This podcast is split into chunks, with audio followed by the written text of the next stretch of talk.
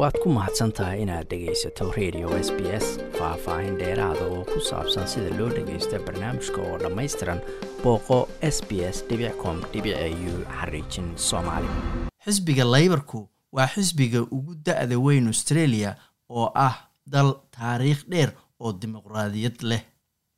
Xisbigan oo ka mid a xisbiyada laybarka ee ugu horreeyay ee adduunka ayaa ka dhashay dhaqdhaqaaqyadii ururada shaqaalaha ka hor inta aysan gobolladii australia midoobin oo federationkuusan bilaaban.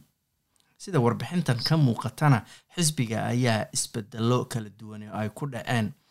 Haddana waxa uu wajahayaa caqabado isagoo doonaya in codbixiyaashu ay u arkaan xisbi dowladda hanan kara ee aysan u arag oo keliya xisbi mucaarada iyagoo wajahaya dhaqaale xumo aada u daran kun iyo siddeed boqol iyo sagaashankii ayay shaqaalaha queensland go'aansadeen inay u baahan yihiin xisbi siyaasadeed oo matala.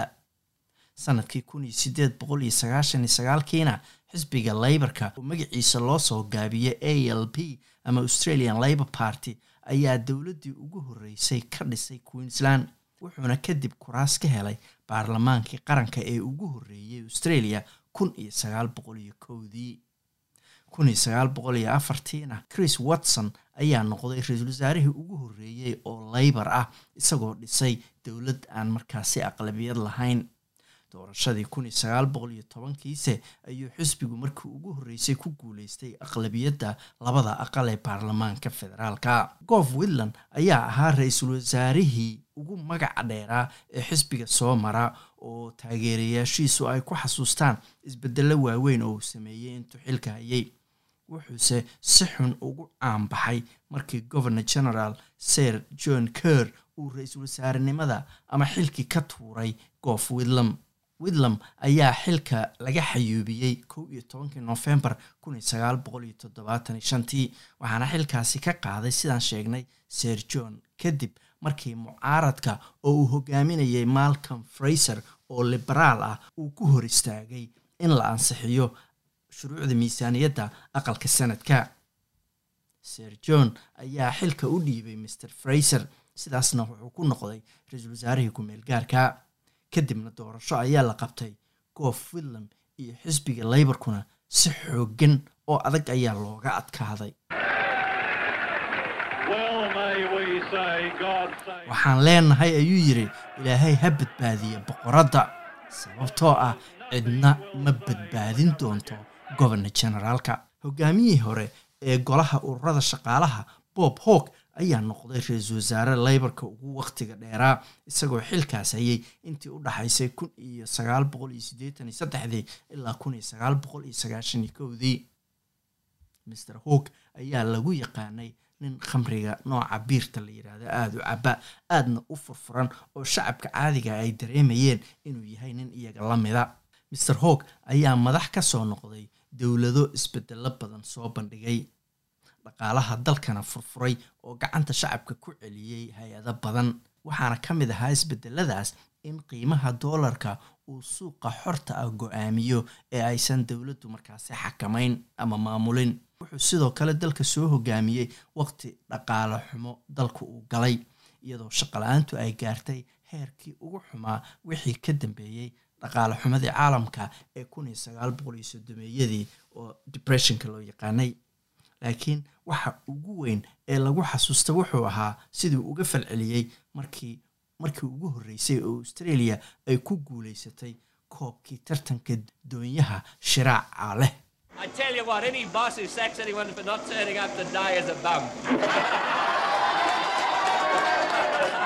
Waxaan idiin sheegayaa ayuu yidhi shaqabixiyaasha ama dadka shirkadaha leh ee eriye qofkii maanta shaqada gooya waa khaldan yihiin ayuu waaba doqomo waa inuu qofku shaqadiisa kordhiyo maalinta xigta si uu u gudo shaqadii maalintaasi ka baaqatay. Maanta waa maalin shacabka australia oo dhan ay dabaaldegayaan ayuu yidhi. Waana maalin farxad leh oo annagoo dhan aanu u dabaaldegayno faraxsannahay master hawk ayaa ra'iisul wasaarenimadii iyo hogaankii xisbiga waxa uu lumiyey kadib dagaal siyaasadeed oo adag oo uu la galay khasnajigiisii paul keaton oo ku dooday in master hawk uu ka ballan qaaday jagada ra'iisul wasaarenimada mar ay heshiis wada galeen laba sano ka hor markaasi. Khilaafka hoggaanka laybarka ayaa dib u soo noqday markii uu kevin raad ra'iisul wasaarnimada ku guulaystay labadii kun iyo toddobadii isagoo helay aqlabiyad aada u sarreysa guushii raad ayuu ra'iisul wasaarihii liberaalka ahaa ee xilka isaga uga horreeyey john howard oo ahaa ra'iisul wasaarihii labaad ee australia uu wakhtiga dheeraa uu jagadii ra'iisul wasaarnimada iyo kursigiisiiba ku waayay doorashadaasi. Master raad ayaa qaaday tallaabo deg deg ah oo uu raaligelin ku siinayay jiilka carruurta indigeneska oo siyaasado dowladeed iyadoo la isticmaalayo si xooga qoysaskoodii looga qaaday. Caruurtaas oo loo bixiyey jiilkii laxaday ama stolen generation especially for the removal of Aboriginal and Torres Strait Islander children from their families, raaligelin baanu siinaynaa buu yidhi gaar ahaan caruurtii aboriginaalka iyo torres straight islandarka oo qoysaskoodii laga qaaday. Waxaan raaligelin siinaynaa bulshadooda iyo dalkoodaba. Annagoo ka raaligelinaynaa xanuunkii dhibaatadii iyo dhaawacii soo gaaray jiilkaas la xaday faracoodii qoysaskoodii ay ka tageen waana ka xunnahay ayuu yidhi kevin raad laakiin sannadihii raad uu xilka hayay waxaa sidoo kale lagu xasuustaa hoggaanka dalka oo sidoo kale laysku qabsaday. Kevin raad ayaa iska casilay hoggaanka leybarka iyo ra'iisul wasaarenimada juun labadii kun iyo tobankii kadib markii ay ku-xigeenadiisii julia gillard ay shaacisay inay xilka kula tartamayso oo ku qabsanayso. Miss gillard ayaa sidaas jagada ra'iisul wasaarenimada ku qabatay sidaasna ku noqotay haweentii ugu horreysay ee australia ra'iisul wasaare ka noqota. Iyadoo sidoo kale markii hore soo noqotay ra'iisul wasaare ku-xigeenadii haweena oo ugu horreysay dalka. Inta ay jagada ra'iisul wasaaraha haysatayna miss gillard ayaa wajahday mucaaradad oo ka imanaysay camerad iyo taageerayaashiisa iyo weliba dhaliilaha uga imanayay tony abbott oo isagu hogaaminayay xisbiga liberaalka ee mucaaradka ah.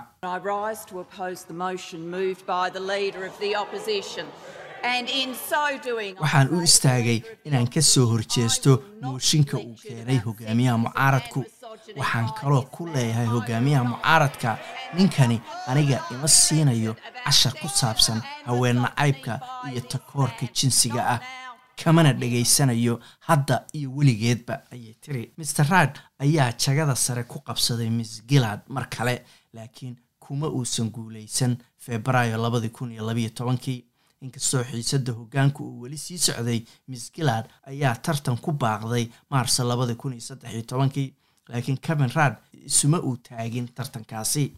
Laakiin wuxuu ku guuleystay mar kale talada isla sanadkaas waa labadii kun iyo saddex iyo tobankii balse wuxuu leybarka ku hogaamiyey in doorashadii looga adkaado bishii sebteembar labadii kun iyo saddex iyo tobankii. Nin door weyn ka soo qaatay isku qabsiga hoggaanka wuxuu ahaa madaxii ururada shaqaalaha bill shorton wuxuu taageeradiisii ka wareejiyey mister raad oo uu siiyey miss gillard oo sidaas ku noqotay ra'iisul wasaaraha laakiin mar kale ayuu haddana taageeray mister raad labadii kun iyo saddex iyo tobankii. Mister shorton ayaa laftiisu ku guuleystay hoggaanka leybarka markii leybarka looga adkaaday doorashadii. Laakiin hoggaankii mister shorton ee xisbiga leybarka ayaa si deg dega u soo afjarmay markii doorashadii looga adkaaday xisbigiisa labadii kun iyo sagaaliyo tobankii oo hogaamiyihii xisbiga liberaalka scott morrison uu ra'iisul wasaare ku noqday. mister shortonna waxa uu markaasi ka degay oo iska casilay hoggaankii leybarka This has been a tough campaign, toxic at times, wuxuu ahaa ololo adag mararka qaarna mid sun ah. Laakiin hadda tartankii wuu dhammaaday. Dhammaanteenna waxaa nagu waajiba inaannu ixtiraanno natiijada oo aannu ixtiraanno rabitaanka shacabka australia. Dadkana la mideeyo. Hase yeeshee hawshaas waxaa yeelanaya hogaamiyaha xiga ee leybarka sababtoo ah inkastoo aan sii wadayo inaan noqdo xubinta madelaysa kursiga mari brown ee soo doortay isuma sharaxayo tartanka hoggaanka leybarka ayuu yidhi mister shorton sidaasna waa uu isku casilay. Doorashada ayaa loo arkay inay ahayd mid aan aad loo filayn marka loo fiiriyo taariikhda australiyada cusub. Muddo laba sano ah ayay cod aruurintu sheegaysay in isbahaysiga looga adkaanayo doorashada oo leybarku guulaysanayo dor peter jen wuxuu xiriirka caalamiga ka dhigaa jaamacadda sydney.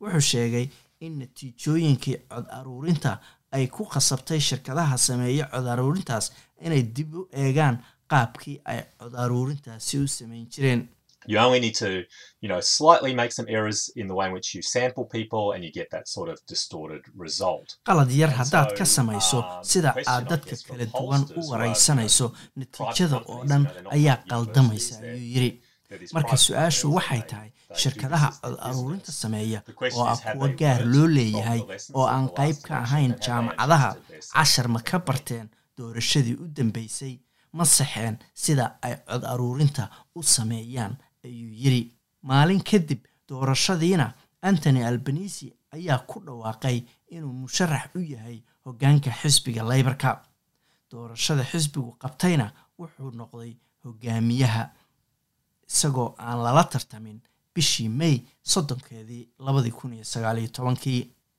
Ololaha doorashada ee socdana dor jang ayaa sheegay in antony albanisi iyo leybarku ay isku dayayaan inaysan u muuqan oo keliya dad mucaarad ah ee ay noqdaan xisbi dowladda qaban kara iyagoo aan cid kale kaashanayn ama xisbi kale la midoobeyn Sometimes when things are a little bit uncertain, like they are now with COVID and the war in Europe and international trade, mararka qaarkood markii xaaladdu ay hubaan la'aan tahay sida hadda covid-ku jira. Dagaalka yurub oo socda ganacsiga adduunka oo sii xumaanaya iyo xiisadda china waxaa dhici karta in dadku ay is yidhaahdaan khatartan weyn oo jirta dowladda hadda ha bedelina. Marka leybarka waxaa laga rabaa inay ku dhahaan shacabka khatari idinka iman mayso haddaad dowladda bedeshaan dabcanna waa inay arrimaha waaweyn qaarkood ku ololeeyaan oo ay ka mid yihiin amniga qaranka iyo maaraynta dhaqaalaha sababtoo ah muddo labaatan sanaa isbahaysiga liberaalka iyo nationalka ayaa loo arkayay inay iyagu ku fiican yihiin arrimahaasi ayuu yidhi dor peter jan waad ku mahadsantahay inaad dhegaysato raadiyaha s b s toos u dhegaysa barnaamijka habeenada arbacada iyo jimcada tobanka fiidnimo ama kaga soo cesho website-ka iyaga iyo s b s radio app booqo s b s com au xariijin soomaali